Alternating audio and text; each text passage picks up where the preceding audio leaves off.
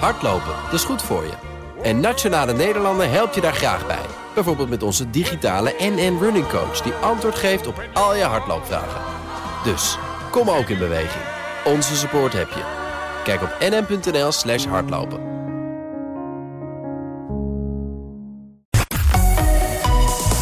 BNR Nieuwsradio. BNR breekt. Ivan Verrips. Goedemorgen en welkom bij BNR Breek, de perfecte onderbreking van je werkdag. Van een half twaalf praten we of, uh, of Oranje een statement zou moeten maken op het EK voetbal. En we hebben het over een nieuw hoofdstuk in de formatie. Rutte en Kaag moeten het samen gaan oplossen. En Mariette Hamer, die gaat gewoon lekker een zomerstop nemen. Zij wel. Vandaag in mijn panel Nina de Koning, DJ en uh, LGBT-activist. Goedemorgen. Goedemorgen. En Tammy Schoots, die is uh, ook activist, transgender-activist, LGBT-activist. Eigenlijk allround activist hier vandaag in de studio. Ja, en we zijn ook nog hele goede vriendinnen. Dus het is helemaal top. Ben je het ook vaak eens met elkaar? Nooit. Mooi, nee. geloof het een spannende uitzending te worden. We beginnen met... BNR breekt. Breekijzer. Als Talpa en RTL samengaan, dan valt er helemaal niets meer te kiezen op radio en tv. Dat is ons breekijzer vandaag. Want als het aan RTL en Talpa ligt, dan komt er een fusie. RTL krijgt dan 70% van de aandelen en Talpa 30. En RTL-topman Sven Sauvé, die blijft de topman. En John de Mol, die blijft aandeelhouder en formatproducent. En voorlopig blijven die huidige tv-zenders en radiozenders... Hè, dus RTL 4, 5, 7, 8 en Z en Veronica en SBS 6 en 9... gewoon naast elkaar bestaan. Oh ja, klein detail. De deal moet nog wel even worden goedgekeurd door de autoriteit Consument en Markt. Wat denk jij? Wordt alles op radio en tv hierdoor één grote eenheidsworst? Of is het dat misschien al? Of is dit toch wel de manier voor het vormen van een ja, concern... om internationaal de concurrentie aan te kunnen gaan met Amazon en Netflix... maar ook met de advertentie-euro's die allemaal naar de Facebooks en de Googles van deze wereld stromen? Pak je telefoon en bel naar 020 468 4x0. Dan praat je zo mee in de uitzending 020 468 4x0. Als Stalpa en RTL samengaan, valt er helemaal niet meer te kiezen op radio en tv. Bij me nu is Marianne Zwageman, schrijver, podcastmaker, columnist bij BNR en De Telegraaf en mediastratege. Goedemorgen, Marianne. Goedemorgen. Deze enorme deal, was je daar eh, verbaasd door? Nee, die kwam niet helemaal uit de lucht vallen natuurlijk. Dat RTL uh, uh, een nieuwe toekomst zocht met een nieuwe eigenaar... dat was al een tijdje bekend. Hè. Er waren ook verschillende partijen voor in de race. Onder andere de persgroep, die ook al bijna alle Nederlandse kranten in handen heeft... behalve het FD, de Telegraaf en NRC... Uh, dus dat, dat was bekend. Ja, en dat het John de Mol uh, na 25 jaar uh, zoeken naar een, een eigen tv-zender hebben en succesvol maken, weer niet aan het lukken was met SBS, dat was natuurlijk ook bekend. Dus dat die naar een way out zocht, dat, de, ja, dat was ook geen grote verrassing. Mm -hmm. En dat is natuurlijk ook tegelijkertijd een beetje triest aan dit verhaal. Hè. John de Mol is natuurlijk een van de bekendste ondernemers in Nederland en ook een van de meest succesvolle als je naar zijn vermogen kijkt, waarmee hij altijd netjes in de quotelijst komt. Maar ja, er mislukt ook altijd heel erg veel bij hem. Ja. Ik, ik, noem hem ook wel eens uh, flop de mol, want er flopt ook wel heel veel. Alleen die paar dingen die lukken, lukken altijd zo goed... dat hij daar toch een behoorlijk vermogen mee heeft opgebouwd. Maar hij is al 25 jaar geleden begonnen met, uh, toen nog met Sport 7... Uh, ja, met het willen bezitten en aansturen van een eigen tv-zender. En dat, dat lukt hem elke keer maar weer niet. Nee. En eigenlijk is hij nu weer een beetje terug bij af... waar hij ook al was in 2007, toen hij de stekker moest trekken uit, uh, uit zijn eigen zender 10, die later Talpa ging heten. Die bracht hij toen al onder bij RTL. Ongeveer in dezelfde aandelenverhouding als waarin hij nu ook weer bij RTL aanlandt. Dus ja, dat is denk ik toch vooral de afdronk. Het is John de Mol toch weer niet gelukt. Ja, en het is dus inderdaad de grootste. Ja, John de Mol mag blij zijn dat RTL hem wil. Hoor ik een beetje uit, jou, uh, uh, uit jouw verhaal. Nou, blij zijn dat RTL hem wil. John de Mol had misschien ergens anders ook nog wel zijn scheepje onder kunnen brengen. Maar op, op eigen kracht is het hem in ieder geval niet gelukt om toch die grote droom die hij had. Dat grote Nederlandse mediabedrijf bouwen. Hè. Hij was een paar jaar geleden natuurlijk bezig met het overnemen van de Telegraaf Mediagroep. Daarover verschijnt volgende week over zijn boek van mijn hand. Volgende maand, moet ik zeggen, juli. Um, dus da da daar leg ik dat ook nog een beetje allemaal uit, wat, wat zijn plan daar dan mee was. Maar hij had zo'n droom van een heel groot Nederlands multimediabedrijf... waar alles geconvergeerd was, alles aan elkaar verbonden... met nieuws erbij, kranten erbij. ANP heeft hij ook nog maar net verkocht. Hè? Ja. Uh, dus dat heeft hij ook zelfs nog overgenomen. Hij heeft nog een tijdje achter nu.nl aangejaagd. En ja, dat is allemaal niet gelukt. En, en, en waar hij nu dus eindigt met uh, zijn mediabelangen... eh, toch weer ondergebracht bij een bedrijf dat wel weet hoe je een mediabedrijf exploiteert, namelijk RTL. En ja, daar wordt hij dan minderheidsaandeelhouder in. En eigenlijk is hij gewoon straks weer, waar hij ooit natuurlijk groot mee geworden is, producent van formats. Hè? Want dat, dat is het stukje wat hij nu nog altijd houdt. Uh, het, het formats uh, produceren. En dat wil hij natuurlijk straks ook weer voor die nieuwe combinatie gaan doen. Waarin hij dan minderheidsaandeelhouder is. Ja, en dat wordt nog wel even spannend. Dat weten we op dit moment natuurlijk nog niet. Hoe uh, duur heeft hij zijn huid daar verkocht? Want toen hij destijds samen met Sanoma, de tijdschriftenuitgever, SBS overnam. Um, heeft hij een hele goede deal gemaakt. Dat was een, een, content agreement. Die is later uitgelekt via de Volkskrant. Nou, daar zag je dat hij ongelooflijk goede deals had gemaakt met die zendergroep. Uh, ja, waar Sanema ook een grote aandeelhouder in was. Om zijn formats daar te verkopen. En als ze dan doorverkocht werden naar het buitenland. om daar het meest van te profiteren. Ja, bij RTL is het waarschijnlijk natuurlijk niet gelukt om zo'n goede deal te maken. Want daar kennen ze gewoon de cijfers achter de tv-format. Maar dat is denk ik nog het spannendste. Heeft hij daar als, uh, als formatproducent ja, weer een hele goede deal uit weten te slepen... door, eh, door alles nu bij RTL onder te brengen. Ja. Ik ga zo met je verder praten. Eerst even een rondje in de studio. Daarna ga ik bellers aan het woord laten. Onder andere Rob. Uh, wil je ook reageren? 020 468 4 0 Ons breekijzer is als Talpa en RTL samengaan... valt er helemaal niks meer te kiezen op de radio en tv. Nou zijn wij hier in de studio en ook Marianne. We zijn natuurlijk een beetje mediamensen allemaal... dus wij houden van media. Wij vinden dit hartstikke interessant. Uh, denk je, Tommy, dit het iets boeit voor mensen... die uh, kijken naar SBS of naar RTL... dat, dat is een, een kont kan interesseren? Nou, ik denk dat het wel belangrijk is. Maar wat ik eigenlijk wel. Ik heb eigenlijk twee dingen over te zeggen. Als eerste is het misschien interessant om die verdiepende slag te maken. Want wat is de argumentatie van RTL en Talpa? Wat zij eigenlijk zeggen is: we doen dit om uh, internationale concurrentie tegen te gaan. En dat wordt wel interessant om te kijken of de EU-autoriteit daarin meegaat. Want dat zal denk ik wel echt iets betekenen voor dat landschap. Naar mijn weten, een nationaal blok is nog nooit uh, door die EU-autoriteit aangenomen. Dus dat is wel een hele interessante ontwikkeling.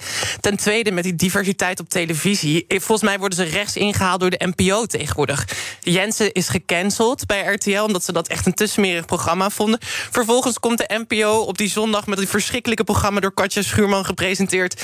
Entertainmentwaarde haalt de NPO ze ook in. Je hebt nu dat, dat die, die uh, serie bij BNN Varen met Calvijn. Dus mm -hmm. er was sowieso al volgens mij vrij weinig te kiezen. Ja, nou, over die uh, uh, uh, verhouding met de NPO gaan we het zo meteen wel eens met Marianne hebben. En zo meteen over een paar minuutjes praten we ook met een advocaat mededingingsrecht. Dus dan kunnen we zeker praten over het eerste verhaal ook. Nina, ben jij een bankplakker en de hele dag lekker lineaire tv kijken? En... Nee, maar ik denk dat het argumentatie wat betreft Videoland... die ze sterker willen maken, dat dat wel logisch is. Want laten we eerlijk zijn, wie gebruikt eigenlijk Kijk van SBS? Niemand.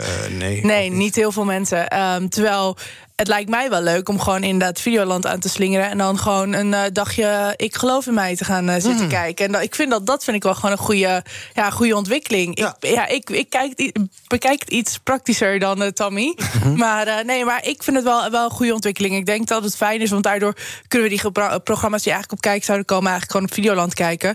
En dat is gewoon veel beter. Want ja. Anders, anders zit het gewoon ergens weggestopt uh, op een uh, platform waar eigenlijk niemand uh, gebruik van maakt. Precies, je blijft abonnementen afsluiten op die manier. Precies. Rob Quist, goedemorgen. Goedemorgen, ja, met Rob Christ, de beeld. Ja, het grote probleem in Nederland is dat uh, gebrek aan diversificatie, dat het er nu al is. Dan komen we dat de publieke omroep zit, dus, zit te concurreren met de commerciële. En dan gaat het om kijkcijfers en reclameinkomsten. Dus dan krijg je automatisch allemaal middle of the road uh, tv. Dus ik denk van publieke omroep, uh, weg van die reclamegelden en dat soort dingen. En dan, dan krijg je echt een diversificatie, een beetje BBC-model zoals in Engeland. Ja, Marianne, het gaat hier nu een paar keer over de, over de NPO. Um, uh, uh, ja, zometeen heb je natuurlijk twee spelers op tv. De NPO en ja, RTL Talpa. Nou ja, en dat is op tv. Hè? Ja. Er zit hier ook een grote radiodeal bij. Want er zijn natuurlijk heel veel radiozenders ook in handen van, van deze nieuwe combinatie. Uh, ja, daar was het ook al een beetje eenheidsworst op tv ook. Kijk, de reden dat ze, die ze zelf natuurlijk aanvoeren voor deze consolidatieslag... is dat ze gewoon heel veel concurrentie juist op digital hebben. Dus inderdaad, terecht. Uh, de, de, een van de redenen waarom, uh, waarom SBS eigenlijk natuurlijk niet kon slagen... is dat ze die slag hebben gemist. RTL heeft net op tijd Videoland overgenomen een aantal jaren geleden. En dat wel redelijk succesvol gemaakt. Maar zonder zo'n streamingplatform ben je natuurlijk gewoon helemaal nergens meer. Of je moet ja, andere dingen op gebied van digitaal heel goed doen. Nou, dat heeft John de Mol ook op gebied van, van muziek geprobeerd. Hè, met Duke, wat dan de Spotify tegenhanger moest worden. Ja, ik hoor er nooit iemand over buiten de mediawereld. Dus ik weet niet of dat door, door mensen ontdekt is. Ehm, dus ja, dat, dat, dat lukt natuurlijk niet zo. En ja, feit is dat de NPO heeft gewoon een hele sterke positie in Nederland. En daar kan je heel bitter over doen en zeggen... ja, makkelijk, want die krijgen hun geld van de overheid. Maar ja, het lukt ze dus ook gewoon om uh, zodanig te programmeren... Dat, uh, dat, ja, dat Nederland daar heel graag naar kijkt. Ja. En dat is John de Mol met SBS dus niet gelukt. Bijna al die nieuwe formats die hij daar op de zender heeft gegooid ja, die, die zijn geflopt. En, en, en waar, ja, waar drijft die zender nou eigenlijk op? Hè? Nog steeds een beetje op Hart van Nederland en, en dat soort programma's. Dus ja, Nederland zat er toch ook niet zo heel erg op te wachten, blijkbaar. Nee. Als jij een beetje in je uh, glazen bol kijkt over een paar jaar... en RTL en Talpa is een combinatie... wat, ik, wat we zeiden, ACM moet er nog over eh, gaan beslissen... maar wat, wat ja. gaan we dan zien? Gaan er dan zenders weg? Uh, gaan we dan inderdaad uh, RTL Nieuws en Hart van Nederland... gaan die in elkaar overlopen? Er moeten vast wel mensen weg. Um, hoe, hoe ziet dat eruit dan? Ja, er gaan natuurlijk sowieso zenders weg... en dus moeten er mensen weg, want er zijn nog steeds veel te veel zenders. Hè. Nog niet zo lang geleden had jullie ander programma... de Big Five had al die, al die tv-baasjes aan het woord een paar weken geleden. Nou, daar waren die voorspellingen ook wel zo van ja, weet ik veel, RTL 8 of zo. Er zijn nog allerlei van die zenders waar, waarvan niemand wist dat ze bestonden en, wat er dan gebeurt.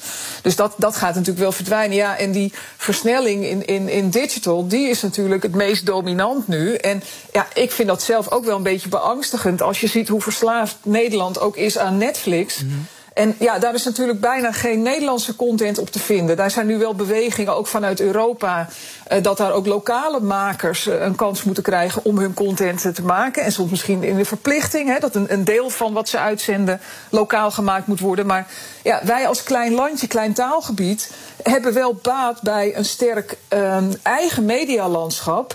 Ja, en dat vind ik wel heel zorgelijk. En je ziet dat die mededinging, die heeft in de mediawereld totaal gefaald. Dat zeg ik niet alleen, heb ik geloof ik al duizend columns over geschreven bij BNR. Maar dat zeggen ook de politici die in de Tweede Kamer uh, media in hun portefeuille hebben.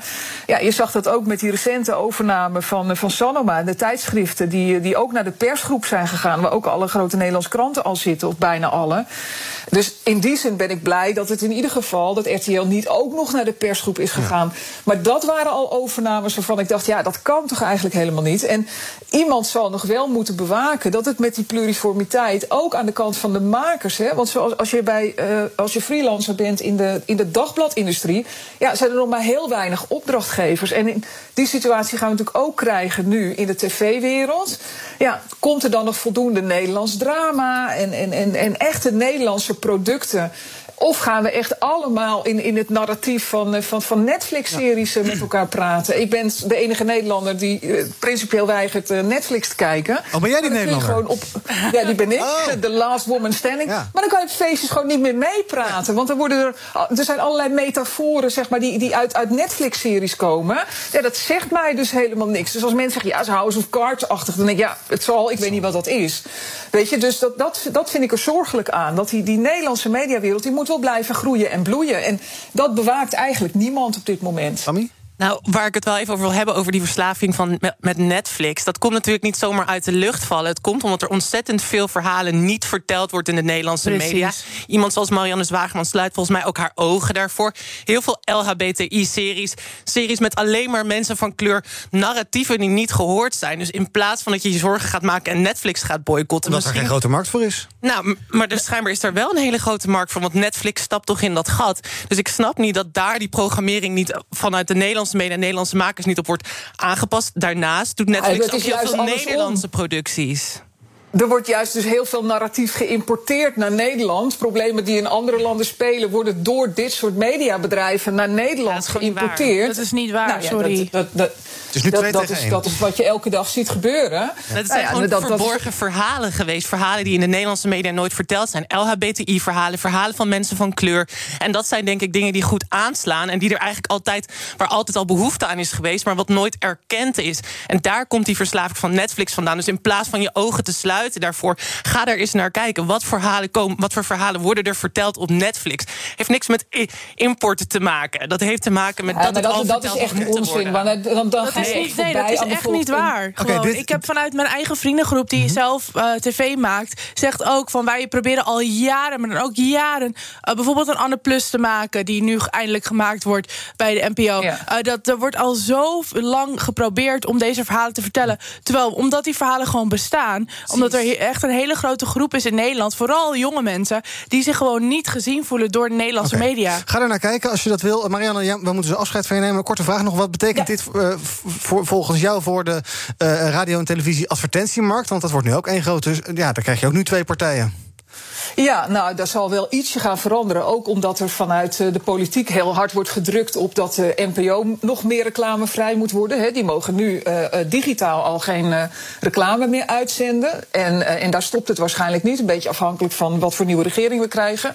Dus ja, dat is voor RTL de nieuwe combinatie natuurlijk achteroverleunen en het geld naar binnen harken. Maar tegelijkertijd zie je natuurlijk dat die markten ook allemaal naar digitaal verschuiven en al heel groot deel verschoven zijn. Dus ja, al dat geld verdwijnt eigenlijk al naar Amerikaanse techbedrijven, heel, een heel groot deel daarvan. En uh, ja, ook dat is een beetje zorgelijk, want je wilt dat de financiering van Nederlandse producties ook wel gewoon mogelijk blijft. En daar is reclamegeld dan ook weer belangrijk voor. Dankjewel, Marianne Zwageman, columnist bij uh, onder andere BNR, De Telegraaf en Mediastrateeg. BNR breekt. Ivan Verrips. Met nog steeds in mijn panel Tammy Schoots en Nina de Koning. En nu ook bij ons is Ekram Belhadj. Zij is advocaat mededingingsrecht bij Niesing Advocaten. Goedemorgen, Ekram. Ja, goedemorgen. Uh, we praten over ons breekijzer. Als Talpa en RTL samengaan, valt er helemaal niets meer te kiezen op radio en tv. Luisteraars kunnen reageren. Bel naar 020 468 4x0 als je wil meepraten. Tammy noemde het net even al. De uh, mededingingskant hiervan. De autoriteit Consument en Markt moet die fusie nog goedkeuren. Uh, er ontstaat, als dit doorgaat, RTL en Talpa natuurlijk een enorm mediareus in ons land. Mhm. Waar gaat de ACM nou naar kijken als zij dit gaan beoordelen, deze fusie? Um, nou, die zal bekijken inderdaad of er een dominante speler op de, op de markt uh, tot, uh, tot stand komt. En daarbij is de cruciale vraag wat dan uh, hè, vanuit de ACM bezien als markt ehm, moet worden aangeduid. Want daar, dat maakt natuurlijk uit of je dan dominant bent of niet. En je hebt hier natuurlijk ehm, verschillende soorten ja, producten of diensten. Het werd al genoemd net in de uitzending, de advertentie advertentieruimte. En je hebt advertentieruimte op tv, je hebt advertentieruimte op um, internet, je hebt ook de productie van tv-programma's eh, en het uitzenden van tv-programma's.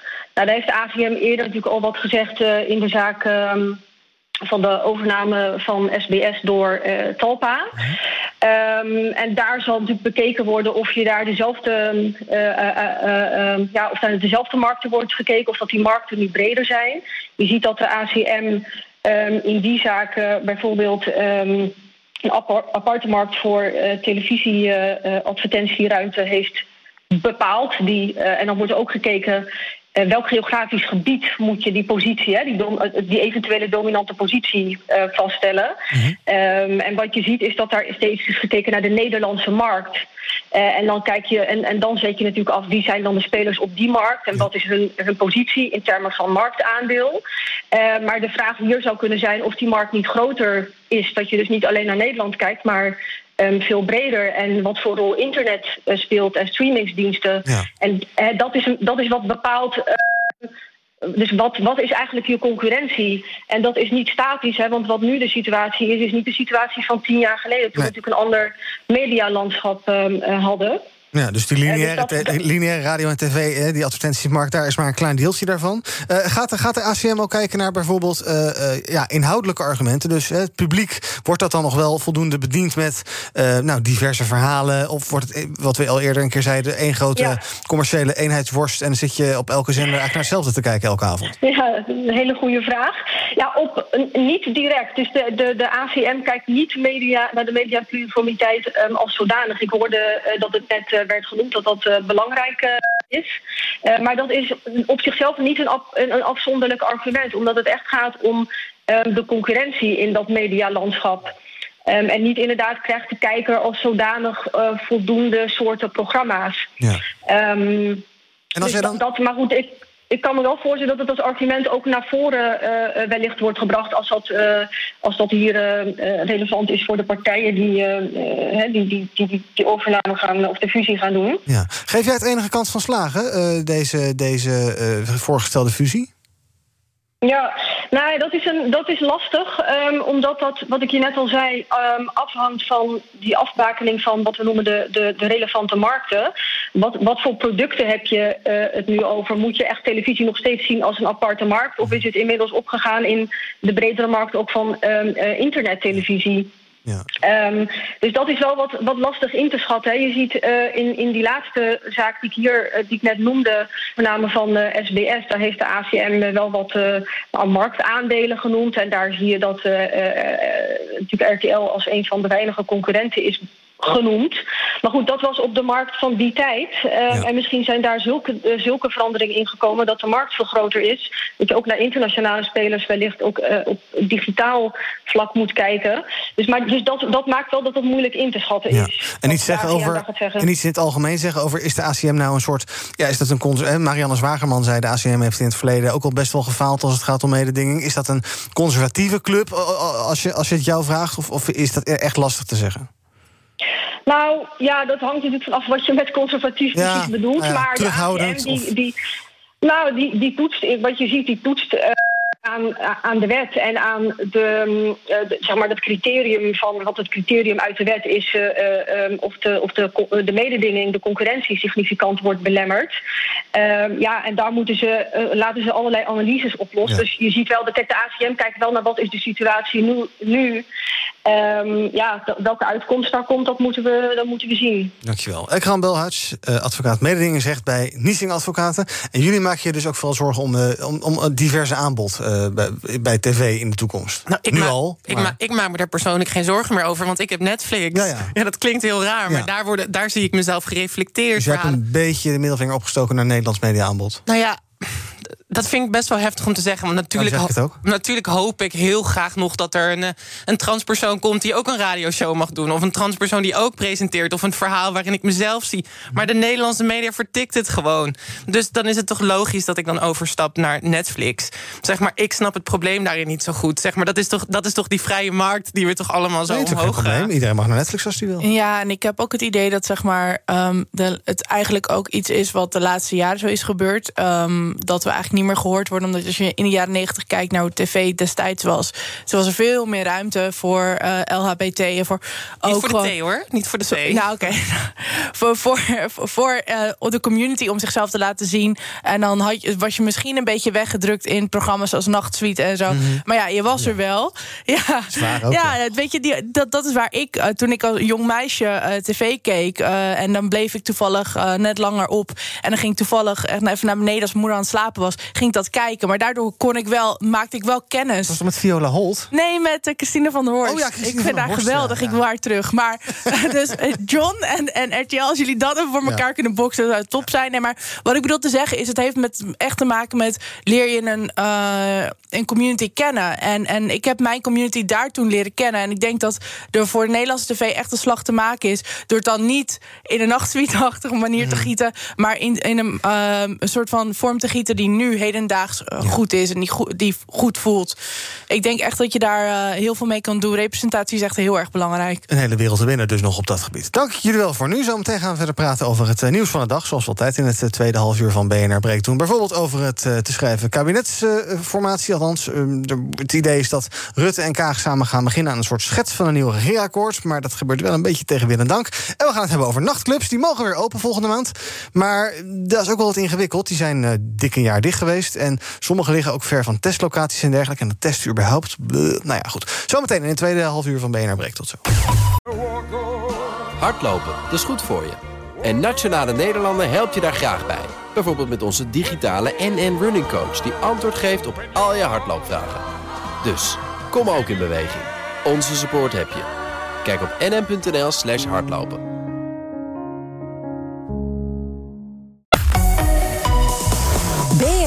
Nieuwsradio. BNR breekt. Ivan Verrips.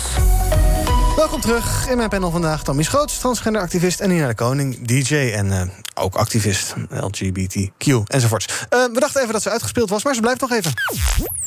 Stop. Hamertime. Ja, echt opschieten doet het niet. Maar toch lijkt de kabinetsformatie wel een uh, nieuwe fase in te gaan. Mark Rutte en Sigrid Kaag gaan samen aan een opzetje werken voor een regeerakkoord. Informateur Hamer hoopt dat er zo weer wat plezier in het formatieproces komt. Dit zei ze erover. Als ze daar met heug en meug gaan zitten, uh, dan heeft dat over het algemeen niet zo zin. Dus ik dacht, er moet ook, ja, het klinkt misschien een beetje raar, toch in zekere mate van vrolijkheid ook weer in deze uh, formatie komen. En deze twee partijen, de winnaars van de verkiezingen, moeten ook dat gevoel denk ik weer een beetje uh, terugkijken. Vandaar dat ik dacht, nou, dan uiteindelijk... Uh, en dit is ook uh, de variant die het minste weerstand oplevert... laat die twee dan aan de slag gaan. Nou, zo klinkt alsof ze er zelf ook heel veel plezier in heeft. Er komt in ieder geval een zomerpauze dus. En dus gaan we van stop hamertime naar zomerstop hamertime. En half augustus wordt er dan doorgepraat over een mogelijke coalitie. En tot die tijd tikken, tikken, tikken, tikken, tikken, tikken, tikken... aan dat voorlopige regeerakkoord dus. Hoe lang gaat dit duren? Zullen we een weddenschap doen? Uh, dat durf ik niet. Okay. uh, ik denk tot uh, september. En dan hebben we een, een, kabinet op het bordes. Ik hoop het. Dat is meer een soort van hoop die ik aan het uitspreken ben. Mm -hmm. Niet per se dat ik denk dat het gaat gebeuren, maar ik hoop het. Ja. half augustus verder praten. tot die tijd dus werken aan een beginnetje van een regeerakkoord. is dat een ambitieuze tijdframe? Want dan heb je dus twee maanden nu. Ja, ik zou denken, het kan toch ook wel sneller als we een beetje door, doorwerken? Of moeten we niet te snel willen? Nou, ik denk dat die partijen heel erg aan het kijken zijn naar wat hun achterban wilde. Was volgens mij bij een vandaag ook een heel mooi onderzoekje geweest naar de weerstand van hun achterban tegen bepaalde coalities. Dus het, is, het zit in een soort impasse. Mm -hmm. Ik denk persoonlijk zelf dat er, dat er nieuwe verkiezingen aankomen. Ja, denk je dat? Ja, dat, dat denk, denk, ik wel een beetje. ja. Want ik denk gewoon, het zit zo vast. En D66 die wil echt de andere kant uit dan de VVD. Mm -hmm. De, ik, ik weet niet of ze eruit gaan komen. En dan ja. heb je ook nog die zooi bij het CDA. Ja. Ja. En clubjes die ze aan elkaar vasthouden of die elkaar juist niet willen. Zou je dan niet moeten zeggen, ja, uh, dan moet daar maar een beetje ingebogen worden. Nieuwe verkiezingen moet toch de laatste, de laatste optie ooit zijn? Of ben je dan liever principieel? En... Nou ja, het is meer gewoon wat is werkbaar. Ja. En, maar ik vraag me wel heel erg af, kijk ik heb dus wel vrienden van allerlei plemage. En ik hoor gewoon vanuit de rechterkant wel dat iedereen alsnog op de VVD zou stemmen. Ja. En er zijn toch best wel veel rechtse Nederlanders. Dus ik ben bang dat uiteindelijk dan krijgen we toch weer Rutte. Ja. En toch weer, het lijkt me, uiteindelijk krijgen we dan weer hetzelfde scenario misschien. En dat vind ik gewoon. En denk van ja, dan kunnen we het beter nu gewoon proberen op te lossen. Mhm. Maar ik denk wel dat er inderdaad nieuwe verkiezingen gaan En ik, komen. denk, ik denk dat het probleem gewoon een beetje is die beroepspolitici, weet je wel. Dus dat er eigenlijk gedurfde beslissingen, dat die niet meer gemaakt worden uit angst hè, dat je de volgende verkiezingen weggestemd wordt. Mhm. En dat is heel moeilijk, want als je, hè, wat de VVD eigenlijk al jaren doet, catert naar hun achterban en daar heel erg mee bezig is, dan kom je niet als een echte, weet je wel, echte regeringspartij die soms moeilijke en controversiële keuzes moet nemen, dan kom je niet zo naar voren. En ik denk dat dat, ik denk geen enkele partij is denk ik bereidwillig om die stap te zetten Ja. en over hun eigen Ja, ego heen je- te stappen. Terwijl je wel ziet dat het heel erg wordt gewaardeerd. Ik bedoel, als je kijkt naar mensen zoals Omzicht, maar ook naar bijvoorbeeld Sylvana, hoe zij nu ineens door iedereen wordt gewaardeerd omdat ze er tegenin durft te gaan. Dus ik denk wel dat als eh, de politici iets meer eh, richting, eh, ja, iets meer die controverse aan durven gaan, Mhm. dat ze dan wel ook uiteindelijk dat het, dat het de politiek verder zal helpen. Ja. En ik ben gewoon heel bang dat we, als we dan hiermee weer verder gaan, dat we dan eigenlijk stil blijven staan. Want ik heb het idee dat met Rutte we eigenlijk heel veel stilstand hebben gehad en weinig vooruitgang. Maar dat is misschien ook gewoon mijn persoonlijke Mhm. Ja. mening. Tammy, welke grote keuzes moeten er gemaakt worden wat jou betreft? Je zegt ze- durven niet. Wat, wat, wa- waar zou je eens eh, bold eh, keuzes in moeten gaan maken? Ik denk dat we toch wel eens een keer een beslissing moeten gaan maken over waar we nu staan in het Europees project. Want we gaan naar een wereld toe die heel erg geglobaliseerd is. We hadden het er net misschien ook al even over dat RTL en Talpa in concurrentie zitten met de Chinese eh, mensen op de of met Chinese partijen en Amerikaanse partijen op de markt. Ehm, ik denk dat we volledig ja moeten gaan zeggen tegen het Europees project. Of moeten gaan zeggen, nou, misschien moeten we terug gaan keren. Dat is een hele nare framing. Maar we zijn een soort middle of the road aan het varen. En zo. Ja. Ik denk dat dat toch wel een groot vraagstuk is. Doen we mee in een geglobaliseerde wereld? VVD is een beetje terughoudend. D66 zegt volmondig ja. Ja. Dat zijn denk ik hele fundamentele keuzes die eindelijk eens gemaakt moeten worden. LHBTI-rechten vind ik natuurlijk heel erg belangrijk. Huurmarkt is heel belangrijk. Ehm, ik vraag me af of ze daar, daar, daaruit gaan komen. Ja. Is Mariette Hamer nou in jullie ogen geslaagd als eh, informateur? En is het dan ook prima dat zij zegt van ik laat het nu even los... en dan kom ik over een paar maandjes terug en dan gaan we verder? Nou ja, als je kijkt naar haar voorgangers wel natuurlijk. Ja. Maar ja, dat was ook eh, dat vergelijksmateriaal. Wat gewoon wel echt.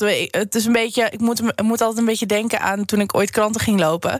De persoon voor mij gooide altijd alle kranten weg. Dus mensen waren überhaupt al blij dat ik kwam. Maakte niet uit of ik drie uur later kwam of niet. En dat gevoel heb ik een beetje met haar ook. Is zeg maar, ja, zij heeft inmiddels zo eh, veel slechte voorgangers gehad. dat het eigenlijk gewoon alleen maar beter kan. Ja. Ehm, we gaan even naar iets heel anders. Eh, ander nieuws van vandaag. Ja, lekker. Een stukje uit de set van jou, hè? Ja. Echt fijn. Nachtclubs die mogen volgende maand weer open... maar dat feest gaat voor sommige clubs misschien niet helemaal door.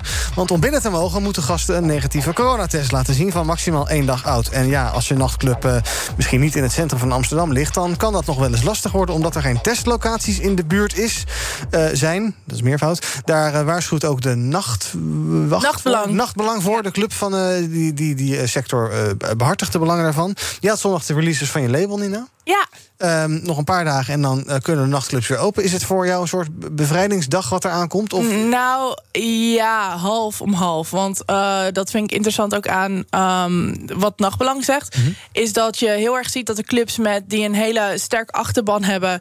eh, en ook echt een eigen verhaal. Die, ja, die komen wel vol. Maar de middle of the road nachtclubs of de nachtclubs in de provincie. die zijn nog echt wel aan het struggelen. Ja. En ik denk oprecht ook wel dat het is goed. Het is echt heel fijn dat we allemaal weer open mogen.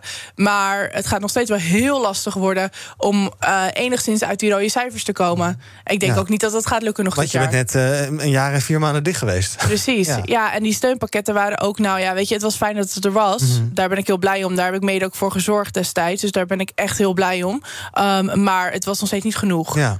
Hoe loopt het, lopen de boekingen alweer binnen en zo? Of? Ja, Ja? ik eh, sta zaterdag gewoon in Groningen. In, in de loods heet het daar. Dus iedereen komt er naartoe. Leuk. Ja, ja, en, ja. en ook voor daarna krijgt het wel weer langzaam wat vorm? Ja, het krijgt langzaam wel weer, wel weer vorm. Maar Mhm. ik heb ook veel boekingen destijds laten varen. En ik denk heel veel van mijn eh mede-artiesten ook. Omdat we niet zeker wisten wanneer we allemaal gevaccineerd zouden zijn. En hoe dat allemaal zou gaan lopen.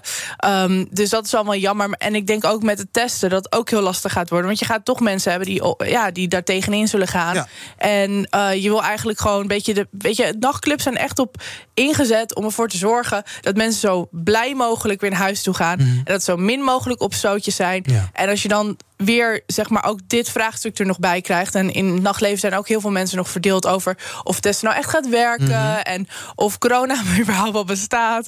Heel bizar dat mensen daar nog steeds discussie over hebben, maar die bestaan er.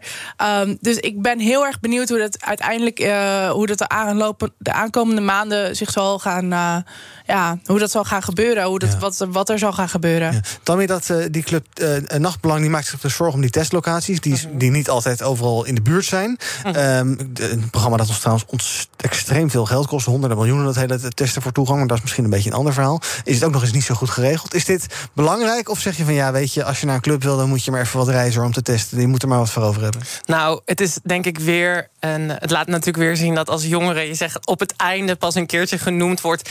Ik persoonlijk houd ik mijn hart vast. Omdat eigenlijk zie je dat. in 2000 kon pas net een afspraak maken om te vaccineren. Ik ben 26 jaar. Ik kan pas 4 juli mijn eerste prik krijgen. Ja, ik, ik, ik vind het allemaal een beetje eng en spannend. En ik vind het een beetje moeilijk dat ze dan vervolgens... eh, gaan ze het dus opengooien, je mag er naartoe... maar ze regelen dan die testlocaties niet adequaat. Dus dat zijn dan weer dingen dat ik denk van... oké, dit is echt weer zo'n soort bot wat naar ons gegooid wordt. Eh, en ook als je gaat kijken naar die Delta-variant... die steeds dominanter wordt in Nederland... Ik, ik, vind het, ik, ik hou echt mijn hart vast. Ja. En je zult mij niet in een eh, nachtclub gaan zien. En een clubcultuur is natuurlijk ook iets anders dan dat je bijvoorbeeld naar een concertje gaat. Ja. Kijk, als je naar een club gaat, dan dat bedenk je eh, de avond tevoren. Of misschien eh, zelfs de avond zelf nog wel. Van, oh, heb ik er zin in? Ga ik ervoor? Weet je wel? Dan, en dan ga je dat doen. Maar dan ga je niet nog even een dag of twee dagen van tevoren Nee. jezelf nog even testen. Want je moet het nu echt Nee. helemaal inplannen. En een club is eigenlijk ook alleen maar leuk als het gewoon lekker vol is. Ja, maar ik denk dus oprecht wel, want je ziet bijvoorbeeld nu eh, de club waar ik dan veel mee werk, Club Nix, zie je wel dat dat echt helemaal uitverkocht is. Je ziet andere clubs in Amsterdam die echt gewoon een eigen geluid hebben, Ja. die echt wel uitverkocht raken en waar mensen ook echt wel voor gaan testen. Maar ik maak me echt heel veel zorgen om de clubs die dat niet hebben, die Ja. niet in Amsterdam gesitueerd zijn of die niet zo'n eh, duidelijke achterban hebben. Want die zijn gewoon echt niet zo snel bereid om een dag of twee dagen van tevoren zichzelf te gaan testen en dat helemaal te gaan plannen. Maar het feit dat het overspoeld wordt door mensen op dit moment is misschien ook wel moeilijk dat mensen dan misschien minder snel gaan testen daarvoor. Sorry. Dat mensen daar minder snel voor gaan testen. Omdat er, het wordt overspoeld, iedereen wil weer uit. Maar precies wat jij zegt, je wil echt mensen hebben die een commitment maken aan die club. En die zullen makkelijker gaan testen. Dus dat wordt denk ik een heikel punt. Tussen de mensen Ja. die gewoon een leuk feestje willen. En de mensen die echt die clubcultuur ja, leven en ademen. En het allergrootste probleem is nog steeds, en dat is een probleem wat ook voor corona al zo was, is dat in de, de nachtclubs die maken in de zomer minder geld dan in de winter. Uh, mensen gaan in de zomer gewoon minder snel naar een club toe. Dus ook al gaan mensen zich misschien testen, als het mooi weer is, zullen ze snel denken: nou, we pakken nog wel een terrasje. Ja, we gaan nog wel maar. eventjes, ja, Ja. precies. Dus dan heb je nog steeds niet de garantie dat je daadwerkelijk ook enigszins geld kan verdienen. En op het moment dat je je club opengooit, maak je eigenlijk al verlies. Want je moet je mensen uitbetalen, je moet bewaking regelen, eh, allemaal dat soort dingen. En dus moet je er ook nog dan voor zorgen dat je dat eruit haalt. Dat je in ieder geval kiet speelt die avond. En als je dan in de zomer is dat echt heel lastig. Ook voor clubs die een grote achterban hebben. Heel kort nog zou jij zeggen, eh, we moeten van die. Want de, de, eigenlijk de, de, de clubscene is de enige scene waar testen voor toegang verplicht is. Bij anderen is het optioneel, hè, bij restaurants en dergelijke. Zou je zeggen, we moeten daarvan af voor onze, eh, voor onze business? Of kan het eigenlijk niet op een andere manier nu? Nou, wel interessant dat je dat zegt. Want eh, wij, wij moeten, zeg maar, ik organiseer zelf ook feestjes. En wij, wij krijgen dan ook de vraag van ja, willen jullie dat of willen jullie dat niet? Ehm, en ik wil het eigenlijk liever wel, want we staan wel met z'n allen op elkaar. We zijn wel met z'n allen aan het dansen. En better safe than sorry. Precies. Dus als je het doet, moet je het ook goed doen, duidelijk. BNR breekt. Thomas van Zel van Zaken doen. Ben je vaak in clubs te vinden, Thomas? Nee, Oh, nee. dat kan nog- kan nog veranderen. kind, gezinsman, maar het kan allemaal veranderen Maar inderdaad. het kan toch ook niet na? Er komen er veel, veel vaders en zo. En Ja, mensen- zeker. leuk? Ik heb eh, mijn, eh, mijn eh, de- qua leeftijd is mijn publiek meestal wel eh 30, 40. Nou, dus, Thomas, Nou, ik ben een jonkie. gaat gewoon Ja. Gaat nog een kom hele gezellig langs. open. Ik zal het zeker Maar eerst nog even de uitzending. Zoals we dat vaker bij BNR. Eerst nog even de uitzending. Nou ja, maar daar kijk ik ook naar uit hoor. Met Erik Berkhoff is dat, van de Van Mossel Automotive Groep. Dat is de grootste automobiel, het grootste automobiel, automobielbedrijf van de Benelux. En wat ze daar hebben neergezet vorig jaar is toch best wel uitzonderlijk. Want de showroom, zal niemand verbazen, was eh, grote delen van het jaar dicht. En toch hebben ze daar winst geboekt. Hoe kan dat? Nou, dat zijn natuurlijk gasten die we graag ontvangen bij BNR Zaken doen. Dus daar gaat het over. Het lobbypanel is ook te gast. En daar eh, constateren wij een interessante trend. Namelijk dat ministers die zo goed als eh, afscheid genomen hebben... zoals Cora van Nieuwenhuizen, Kajsa Ollongren... komen met grote plannen, miljarden investeringen in asfalt of in woningbouw... terwijl ze er eigenlijk niet meer over gaan. Dus wat betekent dat? Wat zit daarachter? Eh dat en het zal ook niemand verbazen dat ook wij niet om de eh, voorgenomen visie van RTL en Talpa heen kunnen. Dus eh, wederom een volle bak in BNR Zaken doen. Het zou toch wel leuk zijn, zaken doen in een club. Dat... Vertel nog eens wat je gaat doen. Ik kom er niet meer overheen. Kunnen we nog horen? BNR breekt. Nog zes minuutjes te gaan deze uitzending. Eh, met Tammy Schoots en Nina de Koning. Eh, tijd voor het eh, dagelijkse blokje EK-nieuws. Er is best veel te doen de afgelopen dagen om de UEFA... die in München niet toestaat dat de Allianz Arena... daar in regenboogkleuren wordt verlicht... tot onvrede van de burgemeester van die stad. Ich finde es beschämend, dass die UEFA uns hier in München verbietet, ein Zeichen für Weltoffenheit, für Toleranz, für Respekt und für Solidarität den vielen Menschen in der LGBTIQ-Community abzugeben. Ja, nou, dat heeft dus te maken met dat, uh, Hongaarse, uh, die Hongaarse wetgeving... Uh, die te maken heeft met ja, het, het, verbieden van, in hun woorden, homopropaganda. Dus je mag daar niks meer zien van trans mensen of, of homo's in de media. Dat moet allemaal uit boeken worden gehaald en het is allemaal verboden. Ehm, dat is een hele korte samenvatting, excuus daarvoor. maar die burgemeester die zegt, ja, we willen een statement maken tegen die anti-homo-wet. maar de UEFA vindt dat politieke statements niet thuis horen op het EK. Is dat terecht? Is dit een statement tegen homodiscriminatiepolitiek? Zou het mooi zijn als dat ding gewoon oranje is? Uh, nee, want LHBT-rechten zijn mensenrechten. En ik ga het, gewoon, dat moeten we nog harder roepen. Nou, schreeuwen. Het, het, is toch belachelijk? Het is toch. Politiek is Mhm. woningmarkt. Dat is. Uh, nou ja. Dat zijn heel veel soorten onderwerpen, maar niet mensenrechten. Mensenrechten zijn niet discussieerbaar. Klaar. Zo. Nou, we zijn eruit. Dankjewel. Was statement. het- Zou de burger, zou, ik- wat een beetje mijn hoofd speelt, is waarom heeft die burgemeester van München niet gewoon scheid? En maak je er gewoon wel een, eh, een, regenboogarena van? Wat, Nou. doet, wat gaat de UEFA dan doen? Gaat die wedstrijd dan niet door? Dan is het alleen maar nog leuker. Ja, precies. Ja, ik denk dat hij niet de enige is die erover gaat. Dat het moeilijk is om een politieke ruggengraat te tonen. Eh, vanavond is er op Twitter een grote actie onder de hashtag GerHun. Dus Germany Hungary. Gaan we massaal om 9 uur vanavond onze steun uitspreken. En ik wil eigenlijk even in het, spe- in het eh, specifiek alle extreem rechtse partijen oproepen om ook zich uit te spreken hiertegen. Want er is een stemming geweest in de Tweede Kamer waarin Ja21, PVV, FVD en SGP tegen het eh, tegen die hebben er tegen gestemd dat het ging over je uitspreken tegen mensenrechten schendenis. Dus ik roep Thierry Baudet, Annabel Nanninga, Joost Eertmans, die roep ik allemaal op om je ook uit te spreken vanavond om 9 uur op Twitter onder de hashtag GerHun voor LHBTI-rechten. Ja, wat moet je dan Twitter alleen die hashtag of ook wat erbij? Nee, tweet die hashtag Ja? en zeg dat je recht achter LHBTI-mensen Ja. staat, dat je dit belachelijk vindt. Maak en trending.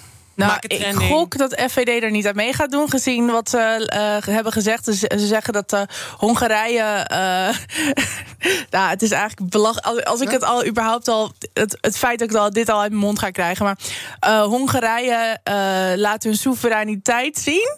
Door dit. Dus ja, dit, zeg maar. Dus ik denk niet dat iedereen, FVD. die, iedereen die op FVD heeft gestemd, luister hiernaar. Als je een stem op FVD is een stem tegen LHBTI'ers. En dat wordt nu bewezen. Ja. Dus spreek je vooral uit. En roep ook je partijleider op om zich ook uit te spreken. Oké, dat is het politieke deel. Eh, Ursula von der Leyen, dat is trouwens ook politiek, doet ook wat. Die heeft namelijk een brief gestuurd dat, ze, dat ja, Hongarije zich toch wel zorgen moet maken om de, om de juridische consequenties van deze wetgeving. Ik zie Tammy in mijn rechterooghoek heel hard nee Gaat niet gebeuren. Gaat niet gebeuren. Want voor een art- artikel 7 procedure, dus dat ze tijdelijk hun stemrecht kwijt gaan raken, is er eh, unanimiteit nodig. En je ziet dat die, dat die anti-LHBTI-landen zoals Polen en Hongarije en in, in, tegenwoordig ook Roemenië elkaar steeds het hand boven de hoofd houden. Dus er, de EU heeft gewoon geen enkele slagkracht. En daarom krijg je dit soort losse Wat briefjes. moet er dan wel gebeuren? Nou ja, misschien. even op als jullie willen. Er is geen oplossing. En dat is denk ik een beetje het probleem waar we nu in zitten. Is dat je als LHBTI'er in deze maatschappij te maken krijgt met mensen die jou eigenlijk liever dood dan aanwezig zien. En daar heb je gewoon totaal geen juridische slagkracht mee. Want we, we gooien het allemaal onder de noemer vrijheid van meningsuiting.